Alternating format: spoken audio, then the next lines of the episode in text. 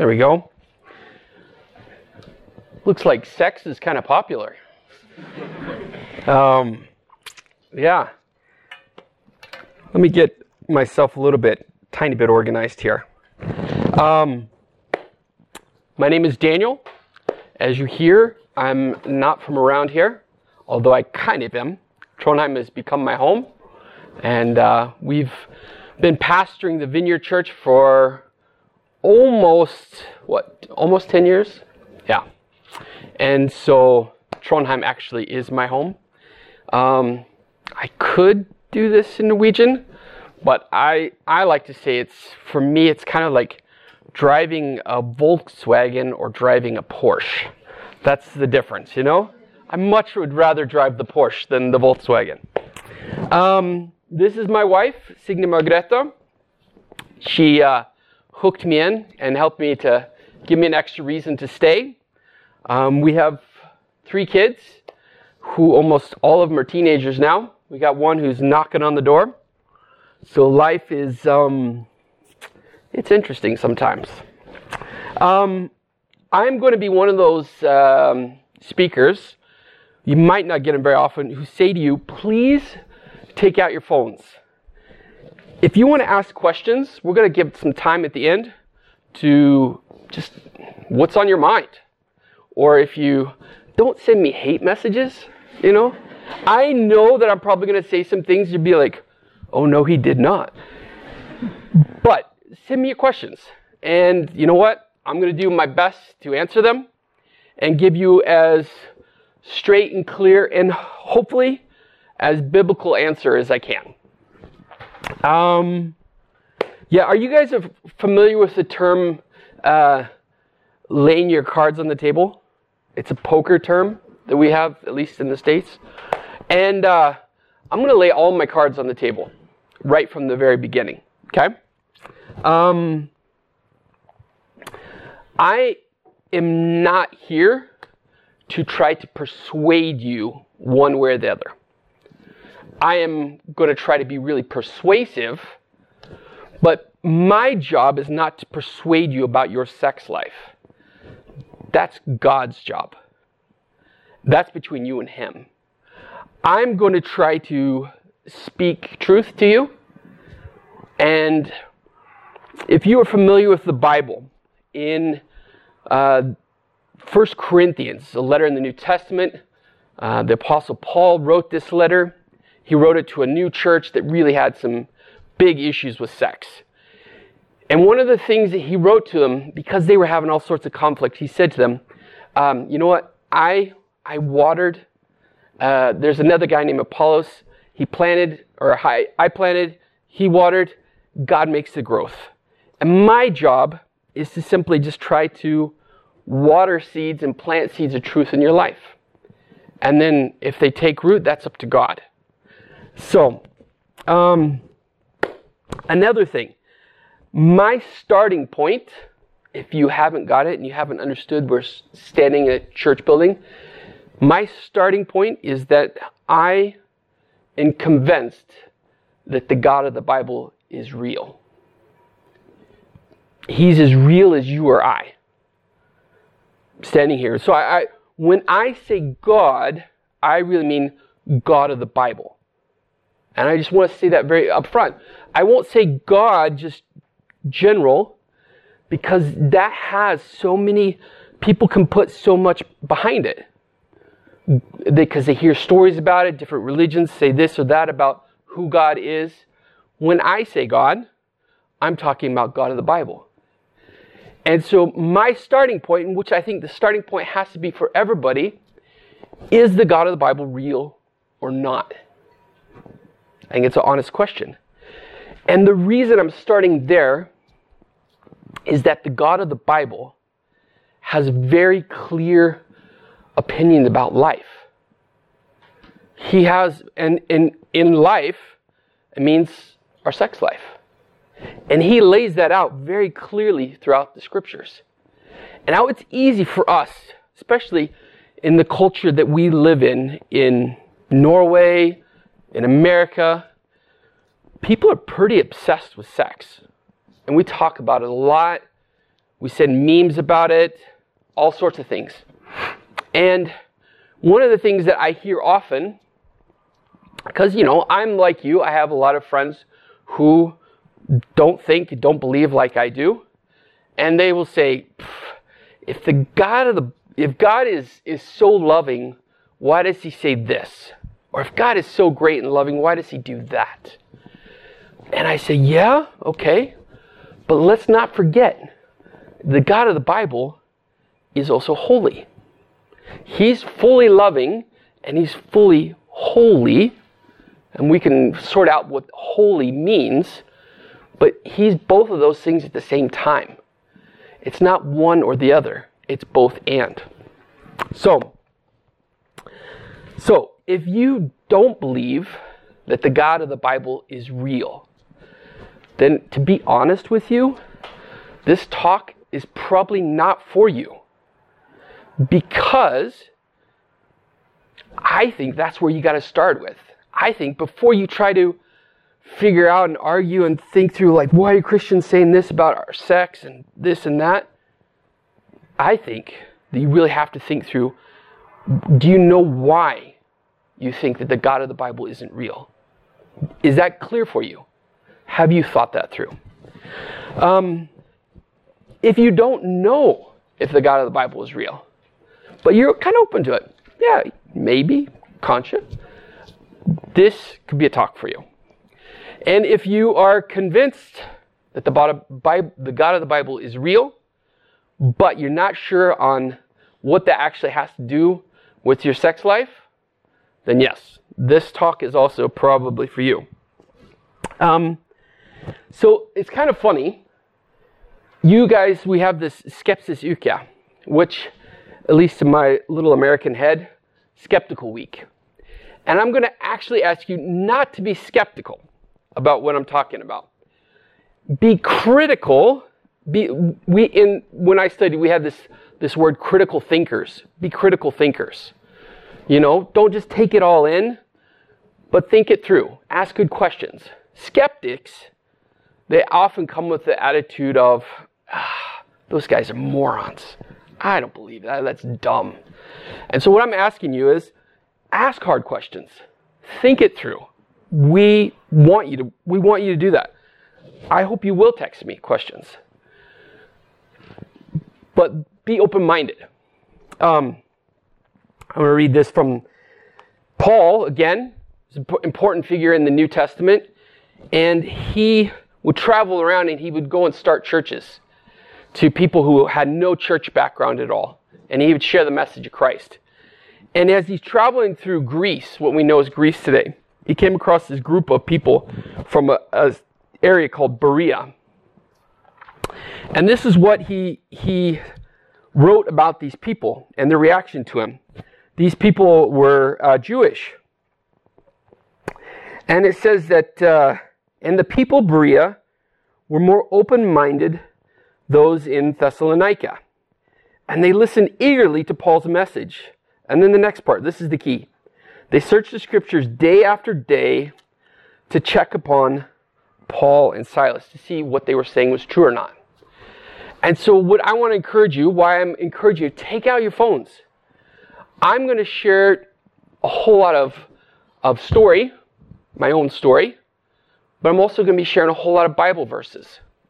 Now, the key, the key with Bible verses, you know what? If you try hard enough, you can make the Bible say whatever you want. That's true. And a lot of people do it. And so the key with this is it has to be in context, right?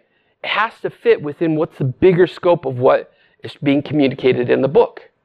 So I'm going to give you tons of Bible verses because you know what? I think they support very clearly the bigger story.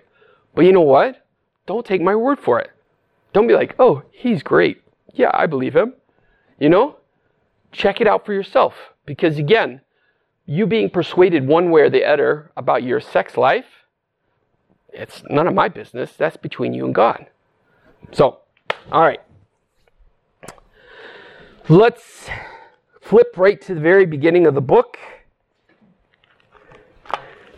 book of Genesis, first Moses book, chapter 2, starting in verse 24, 25.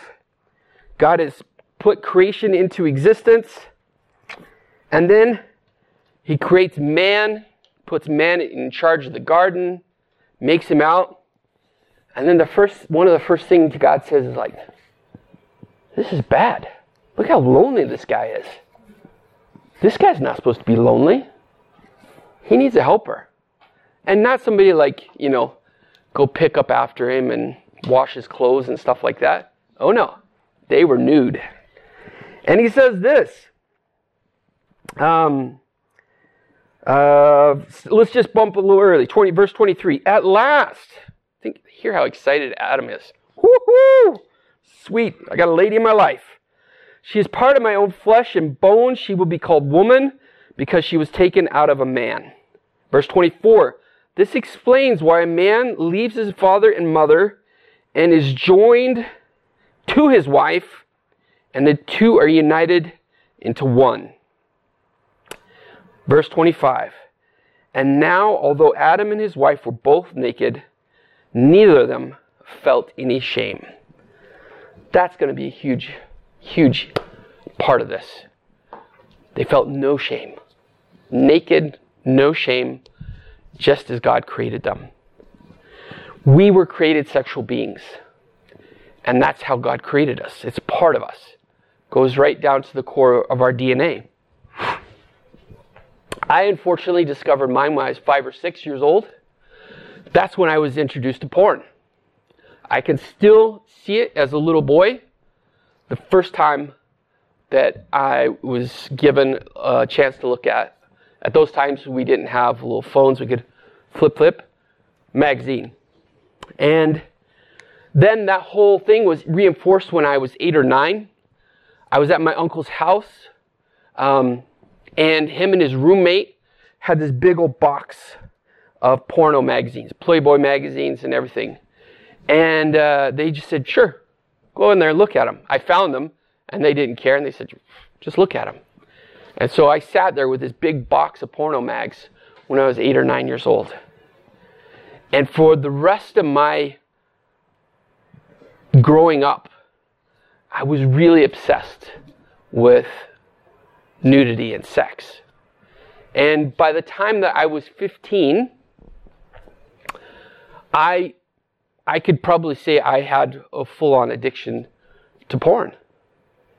I I, rem- I remember, to my shame, I would didn't want to go hang out with some people, sometimes my friends, because I wanted to look at porn.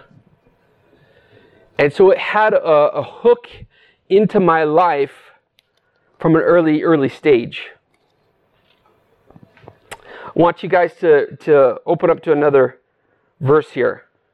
It's in the New Testament, if you're looking it up. It's in again in 1 Corinthians. A lot of these verses are out of this book. If you want to look up chapters 5, 6, and 7, it's like sort of the core of the book. Paul hits this big focus on these issues because he's trying to help a church and the people who come from completely unchurched background figure out how they deal with sex and stuff because the city they was living in and the culture they were in were sex obsessed, sex focused. He writes this to them. He says, uh, chapter 6, sorry, give you 1 Corinthians 6, chap- verse 9. He says, Don't you know that those who do wrong will have no share in the kingdom of God? He's talking, that's the main reason Jesus came, was to make access to the kingdom of God. Don't fool yourselves. Those who indulge, my translations, indulge could be translated practice. Those who practice sexual sin, sexual immorality, who are idol worshippers, adulterers, male prostitutes, homosexuals, thieves, greedy people, drunkards, abusers, and swindlers, none of those will have a share in the kingdom of God. That was me. I didn't grow up in the church. That's what I was practicing. Um, I I wasn't an atheist. I just didn't have any relationship to church. We just didn't It wasn't important. And then when I was 15, my grandpa died, and the, they did a, a funeral at the church. And that was my first introduction to Christianity. And I was introduced for like seven years. I had this sort of influence into my life where I was being sometimes taken to church and taught about God and everything. And this is what happened in my life. I began to believe in God intellectually. I began to believe the stories. Yeah, I believe that God created the world. I can see that. Yeah, I, I can believe that Jesus came and he went to the cross and stuff. What I didn't understand was that it was actually meant to change our life. It was actually meant to be something that we embrace and walk out and live out. I didn't understand that it was that had everything to do with how I lived. And it took me seven long years. And then something really significant happened. And, and all along, porn, masturbation, all that was part of my life up to that point. And then different girlfriends. And then it was in November of 1997. I was in my apartment, sitting at the kitchen table. I was pretty down at that point in my life, to be honest. And something really significant happened. I was sitting there and I was just contemplating how sucky life was. And I heard a voice inside my head that I recognized wasn't my own. And it was my first experience of hearing the voice of God. It was different from my own, like, you know, when you talk to yourself? It was different than that. And, uh, and this is what the voice said to me. He says, Daniel, are you going to continue to live the way you're living, or are you going to follow me? And I knew exactly what God was talking about. And for the first time in my life, I just stopped and I just said, Okay, God, I'll follow you. And what that happened, I guess the best way I could say was is it was maybe my born again experience. That's how I probably call it. That's what the Bible describes it. But what I understood was that I was going to have to take my desire for sex and sexuality and put it under God's desire, under His plan and His authority. I was giving Him the right to choose over my life because I believed that He's real. But I was choosing willfully to say, okay, I'll, I will follow you. And when that happened, I was never controlled by porn again. Just like that. My life completely changed. It was like this. You can look this up. 2 Corinthians 5, verse 17. 2 Corinthians 5, verse 17. So it says this what this means is that those who become Christians become new persons. You're, another translation says, you're a new creation. They are not the same anymore, for the old life is gone and a new life has begun. That's what happens when you invite Christ in and you say, I will follow you. I'm not going to make all my own choices. I'm going to let you decide first. Boom, new creation. Now, this does not mean I was never tempted. Okay? I'm a man, a guy. Guys, just guess what? At some point when you guys grow older and you're my age, I hate to admit that I'm that old, you're still going to be tempted. It doesn't change. But God will and can prepare you and help you throughout all this time. But what happened was I had to learn, God set me free and changed my life. I had to learn how to walk in freedom. I had to learn how to stay in freedom that He gave me. I, I remember, to be honest with you, one of the first things that I had to do, because I, I, do you, you know that feeling you get when you are tempted? I can feel it sometimes in the pit of my stomach. I feel tempted. And I remember at that point, because I so didn't want to go back into allowing porn to have a hold on my life. And so I remember going into the grocery stores. In America, on the aisles, or like when you go check out, there's like all these magazines, you know, and these ladies are pushing everything out there and stuff. And I, of course, right, your biggest sexual organ is right here. This is what we have to learn how to control. This is where the best sex happens, is here. And I remember I had to just walk. It looked probably so stupid, but I would take my groceries and put up there. And I almost wouldn't make eye contact with people because I didn't want to like catch a glance because I knew what my, where my mind would go. And that was the first thing I had to discipline myself not to do. Get my groceries, keep my head down, walk through, pay, and then leave. And then I was good to go. Now, it wasn't always like that, but that's how it started for me. But one of the good things out of this was that at the beginning of this, I get uh, saved, I become a Christian, and I start going to a church.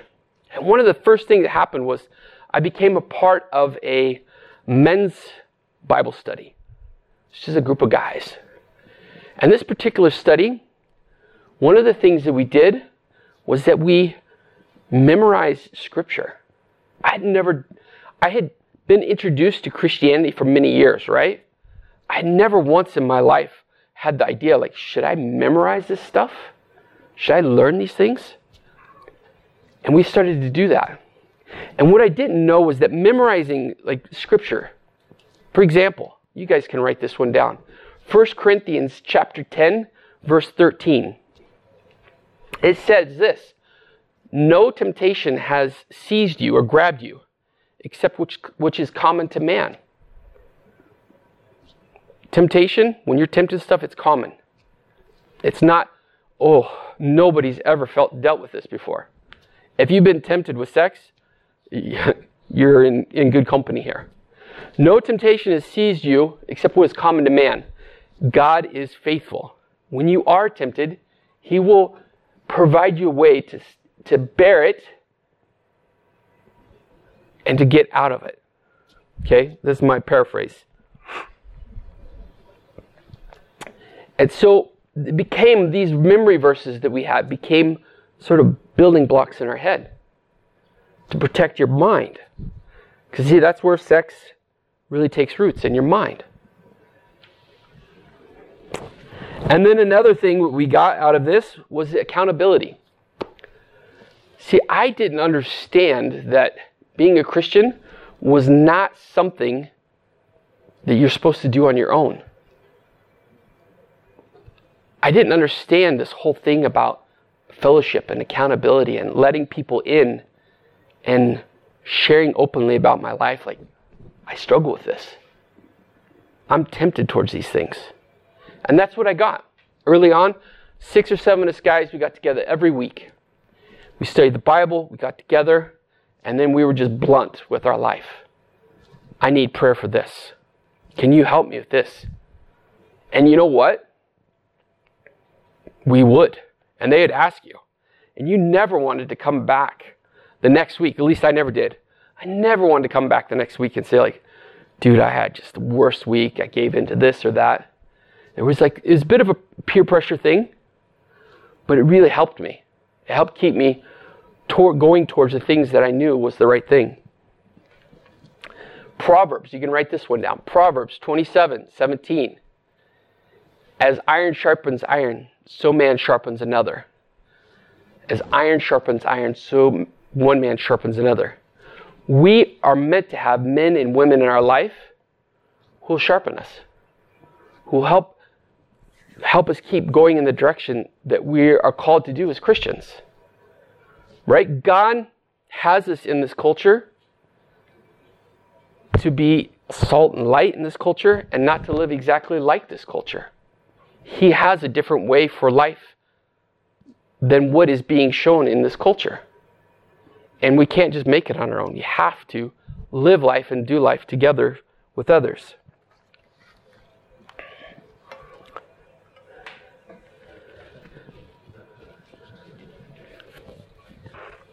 One of the other things that God brought into my life at that time was that He brought in three men who were significantly older, mentor type figures, who taught me what it meant to pray. This guy named Gary Dittmeyer taught me what it meant to be a godly husband, and he taught me how to be a godly father. Gary Dittmeyer, Greg Cope, those names don't mean anything to you guys, but Paul Watson, I want to give him credit because without those guys, um, yeah, I, I would have been a terrible human being. I'm just being honest. And I can still remember. We're going to read a Bible verse, and boy, is it going to make some people in here like ruffle your feathers.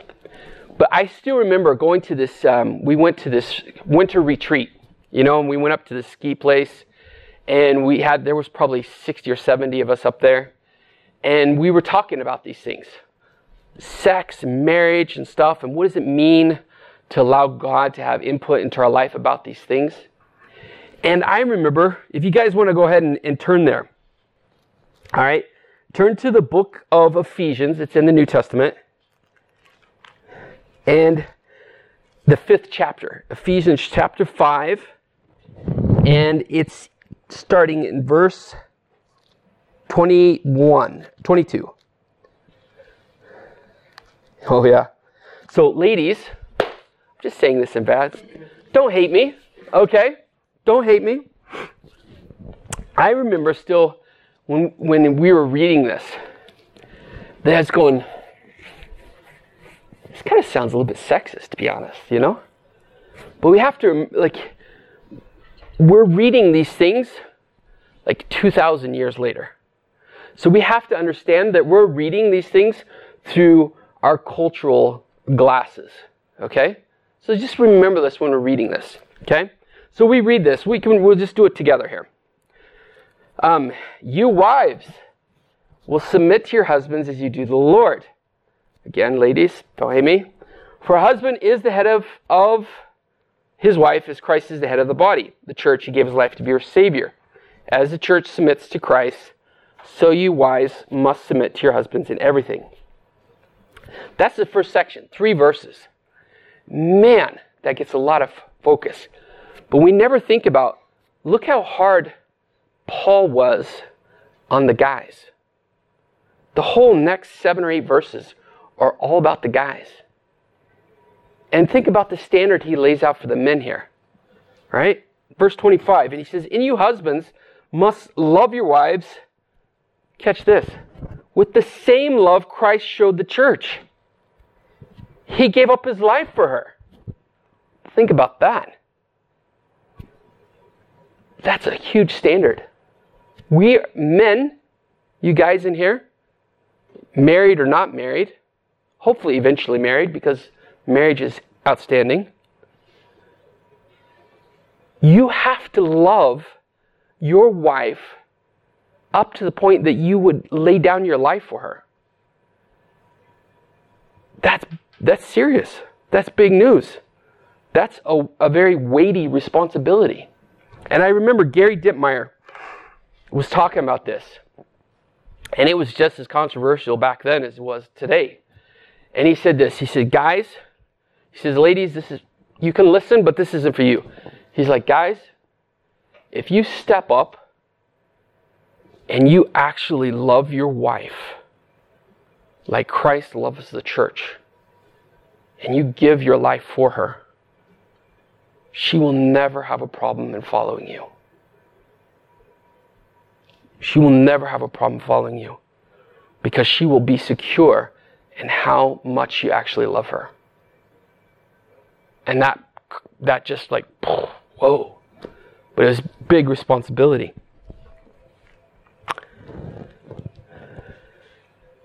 So the emphasis and the pressure is more on us men than it is the ladies. So, ladies, relax. At the same time, ladies, guess what? I, uh, I actually didn't write this down, but I just want to say this. Be choosy. Do you guys know that word choosy? It, it, it kind of means like, uh, don't settle. Don't settle for some guy who's not going to actually love you like Jesus would. Now, guys, we, okay, we can all be honest. None of us in this room, especially me, are perfect. We all screw up, make mistakes. We all act selfish. But you know what? Hold your standards high. If a guy is not really willing to love you like Christ loved the church and willing to lay down his life for you, he's not worthy of you. So don't give yourself to him. So, in this period of my life, I became a Christian, and then a little bit after that, I moved in with three guys. Two guys, sorry, two guys. And we called the place the Refuge. And we were all guys who were trying to follow uh, Christ. And we decide to make rules for this refuge. And the reason we decided to make these rules because I moved in and took over the room for one of these guys who called himself a Christian. And he would regularly have his girlfriend over and be having sex up in their room and just allow her to sleep over all the time. And the guys who he shared the uh, house with hated it. They didn't like it at all. And uh, for many reasons. And so we decided to make some rules early on. And what we did, we wrote them on a little like uh, note card. And then we posted them on the wall. We had to sign them. So it was like a contract. And any girl, any girlfriend who came in, who they, if you got a girlfriend, one of the first things she had to do, she also had to sign the contract, right? And so it was right in the middle of the room. It was a little card. People walk in, like, what is that little card hanging on the wall? I'm like, go look. And it had uh, four or five signatures on it. These were the rules no girls in the room with closed doors. So it could, doesn't mean a girl couldn't go up to your room you couldn't have your door closed.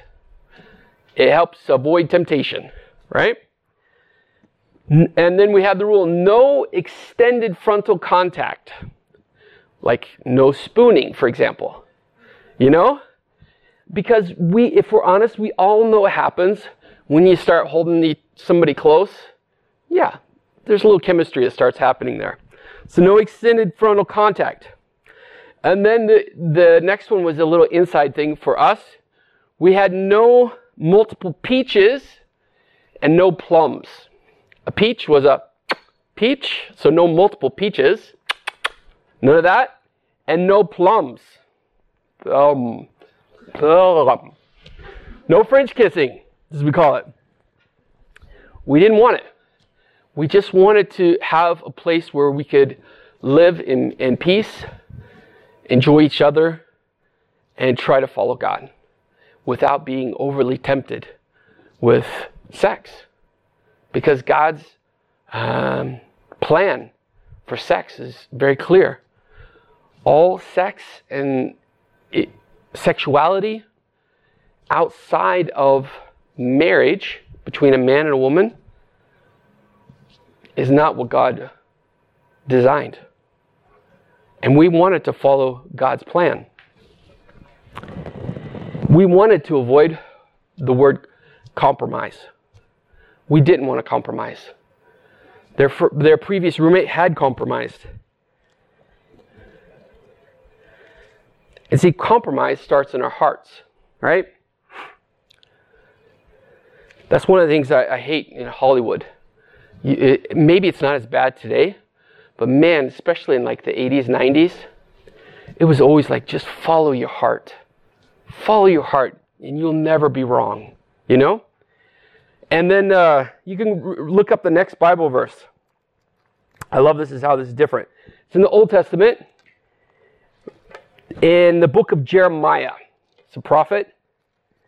Jeremiah chapter 17, verses 7 through 9. And he writes these words. It's a bit of wisdom from God. He says these But blessed are those who trust in the Lord and have made the Lord their hope and confidence. They are like trees planted along a riverbank with roots that reach deep in the water. Such trees are not bothered by heat or worried by long months of drought. Their leaves stay green and they go right on producing delicious fruit. Verse 9 The human heart is most deceitful and desperately wicked. I think that's pretty clear, but I can explain it even more. Guys, we can talk ourselves into anything. You guys with me in this? Am I the only one who can talk myself into stuff? I do it all the time. And then afterwards, I'm like, oh, yeah, that was stupid. Right? When you're supposed to get up and work at 6 o'clock in the morning, you stay up to like 3. Yeah. We talk ourselves into everything because our heart is desperately wicked. It's really easy for us to compromise. And compromise, it starts with one time. Ah, so, we'll just, we're, oh, we're so passionate for each other. Let's just have sex one time. Oh, I'm so sorry. Uh, but man, she's so good looking. Okay, we'll do it again. And then one compromise becomes regular compromise. And what happens with that? If you have a faith in God and you're regularly compromising, God feels a million miles away. And you think, ah, maybe God isn't real. Maybe God doesn't care about me. And then, but this person does love me. And compromise after compromise leads to ah, let's just move in together. It's practical, it works, we're already sleeping together. Let's just share a place. And you know what? If you're on that side where you are not convinced that God's real and you're living together, figure out if God's real or not first.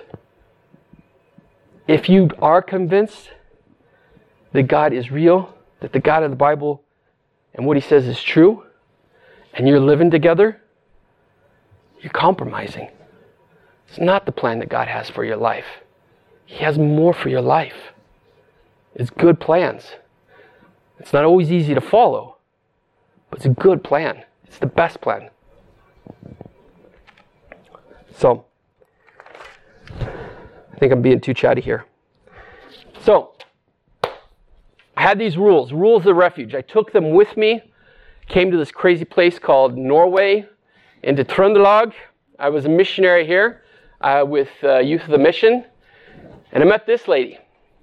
And uh, it was wow. It's one of those moments I can still picture it. We were out across the fjord in this little place, a little YWAM base. I can picture this beautiful woman walking in the room. I was like, woohoo, wow. But one of the things I recognized as I go along the way I had that feeling before. I'd had that feeling before about girls when you were really attracted to a girl before. And I understood I got to trust God. I, I can't trust my heart, right? Jeremiah told us trust those who trust God, they're going to be blessed, they're going to be fruitful. Your heart is going to trick you. So I wanted to trust God. So I spent a lot of time. I fasted, I prayed. And the more I did, well, hint, I'll give you a little clue what happened at the end. We got married. But the process leading up to marriage, can I just give you guys a very practical hint? For those of you who are um, getting engaged or maybe are engaged, if you are engaged, do not make it a long engagement. Because guess what? There's something that happens when you make that step and you're going to want to get engaged. You really want to start having sex. And it becomes really hard the longer your engagement is. We had an 11 month long engagement, and it was both really good and really terrible because we didn't want to compromise. We were committed. We want to follow God's plan for marriage and everything. We want to go in with all my problems with, with porn and all the crappy life I had before. I had managed to actually not have sex. I wanted to go in still not compromising with my wife. And so we had to do some practical things. We had to make our own rules of the refuge, right? The whole, I don't even know how long we start off. We didn't even kiss to start off, which I know sounds insanely old fashioned. But we, we, we knew, I knew what would happen to me as soon as uh, we start kissing. And guess what? It did. The, soon, the moment I started kissing her, it was easier to compromise. And it was easier to go, just take it a little bit farther. A little bit farther. I'm going to marry her anyway, right? What's the big deal? We managed. I'm, and I'm really thankful for this. We managed to get through that. We made the rule no being on the bed together, right? And we managed to get through that process. And we had to communicate a lot. And we had to have people help us set boundaries.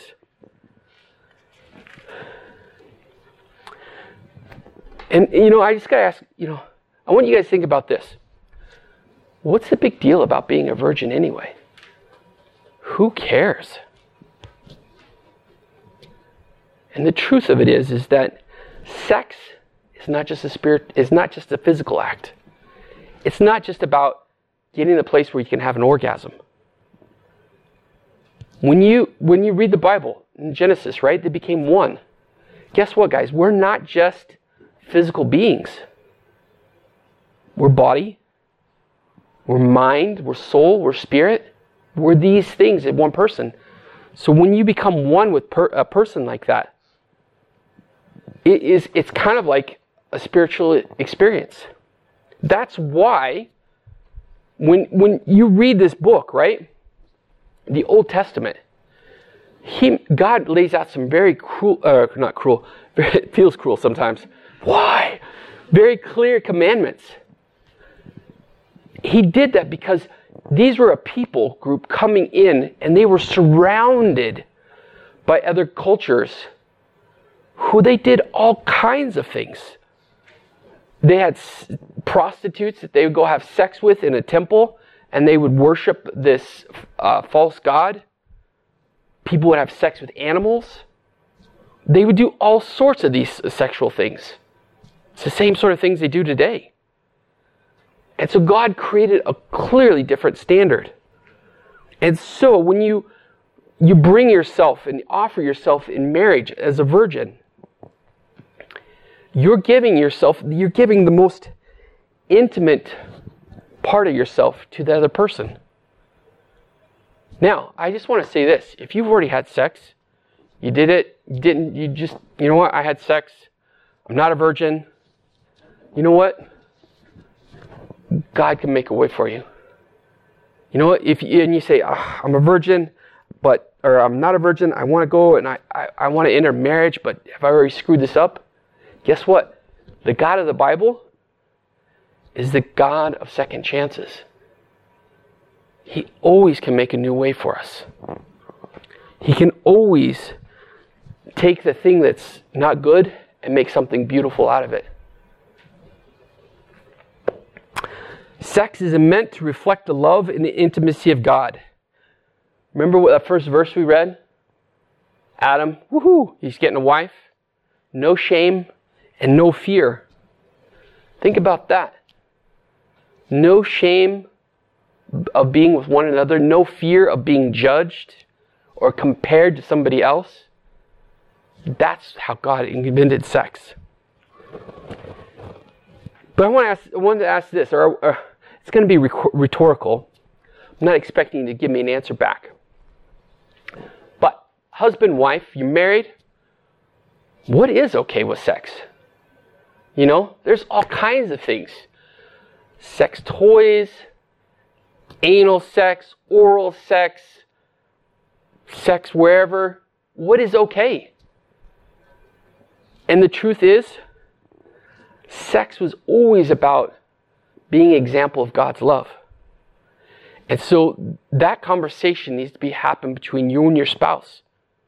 Where you ask the question, does this make you feel loved when we do this? Do you re- and it's not about what you want. It's does the other person feel loved? And if that other person doesn't feel loved, like if they're not into whatever kind of sex, if that doesn't make them feel special and loved, then guess what? Guys, it's not for them. Don't try to coerce them. Don't try to talk them into it. They're not into it. That's not loving. Because at the, ult- at the end of it, it's about being loving. So, how are we doing? Am I like way over time? Feels like I'm way over time, Andreas. We're okay? All right. Just be honest with me. Just be honest with me. For me, it's okay. All right. All right.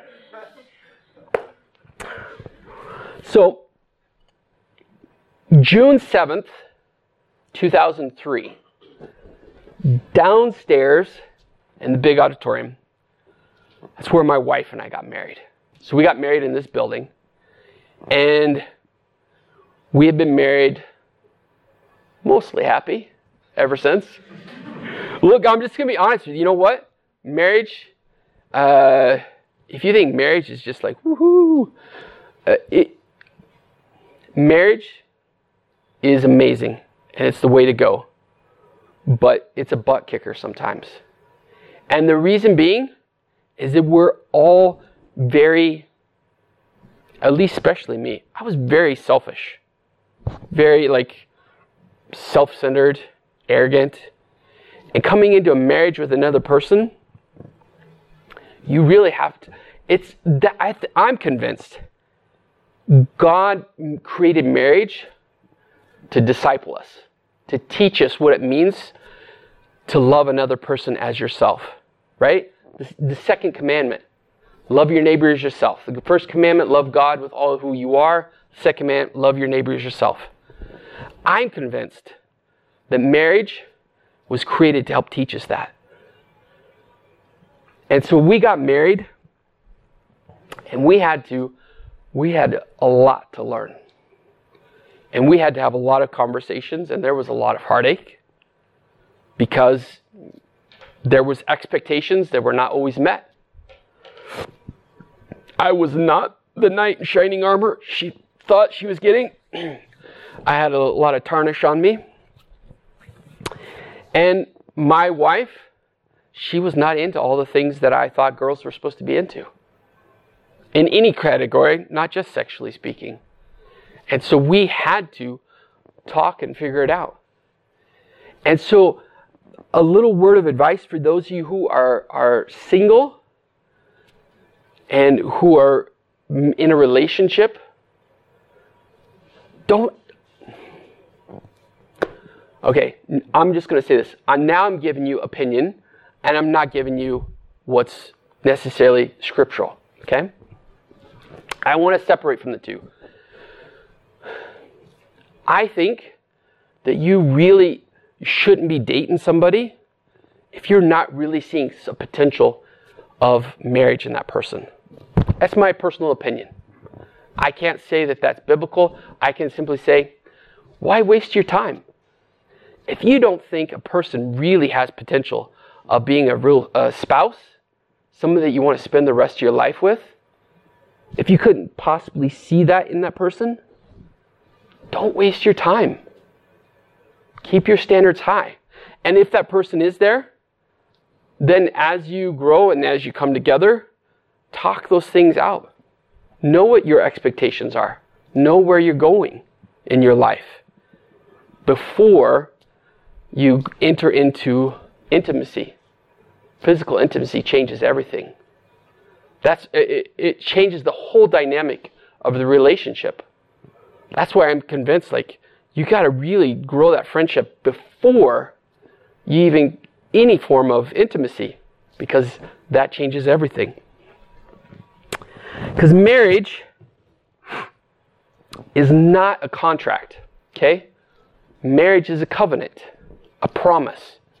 And it's not just a contract between two people, it's a promise, a covenant between your wife, you, and God. It's an example of the Trinity. And guys, guess what? This verse is this verse is for you. Look in the Old Testament in the book of Proverbs. Proverbs chapter 18. Proverbs chapter 18 verse 22. The man who finds a wife finds a treasure and is receives favor from the Lord. That is what happens in marriage. If you get married, you can think, guess what? I found a treasure. That's how you're supposed to look at your wife. She's a treasure. And guess what, guys? You found favor from God. How great is that? God looked on your life and says, You know what? I'm going to favor you. I'm going to put this treasure in your life and she's going to be with you and she's going to help you be a better man. That's what it, marriage is.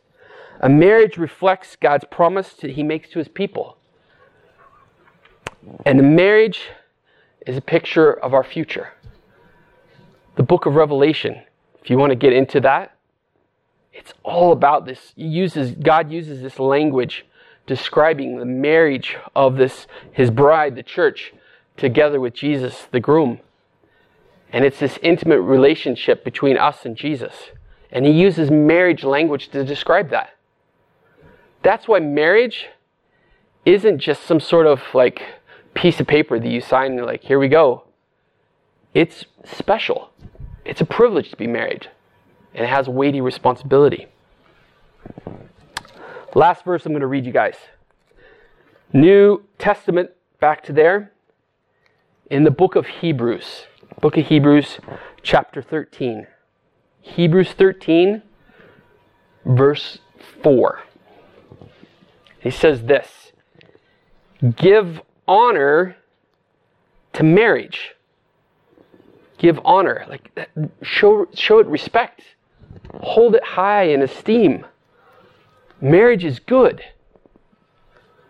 And remain faithful to one another in marriage. It's exclusive. The intimacy you have with your wife, the intimacy you have with your husband, it's not for anybody else.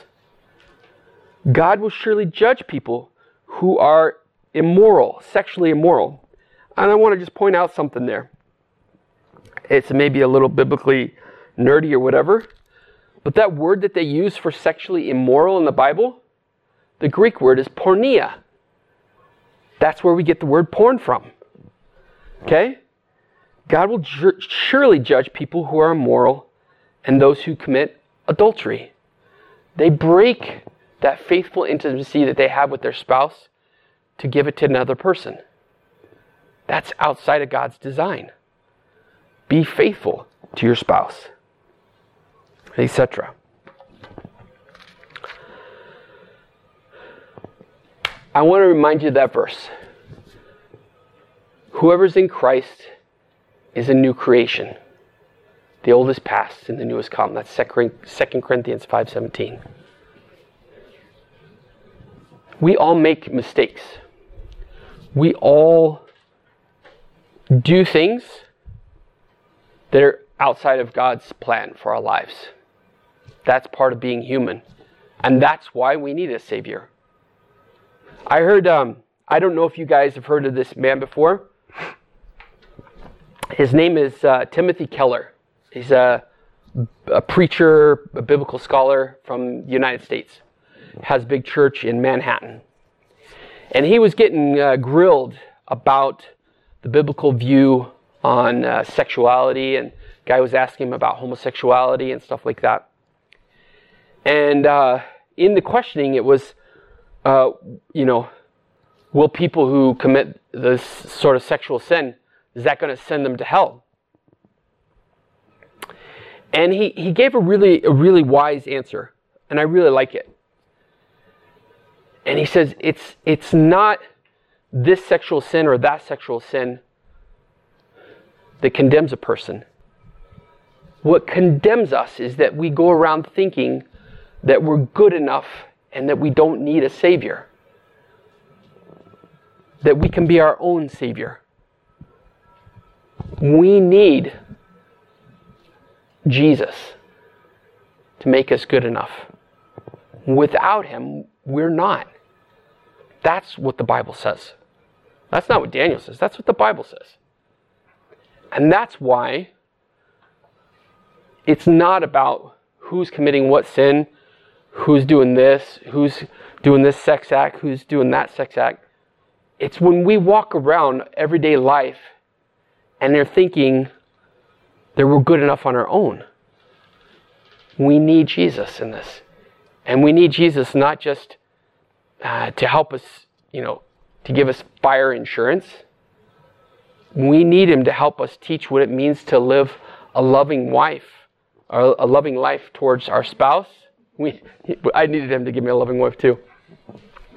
We needed his help so that we can actually approach another person and love them like Jesus did. Because that's what we're called to, right? Love God and love people. Whether they're whether we like them or not, that's what we're called to do. We're called to love people. And think if we did that. Think how much if we actually loved people, how that would change things. That's that's the biggest thing. So I, I feel like, man, holy cow, I've chatted a long time here. Um, so I don't know. Did anybody text? Uh, yes. All right. Man, I hope I didn't get like hate texts. Uh, I'll take this one. Okay, good. It was the longest. 15 minutes ago. Good job to that person. What to do if you've been compromising with God's plan? What to do if you've been compromising with God's plan? It's pretty straightforward. You know how God responds to people?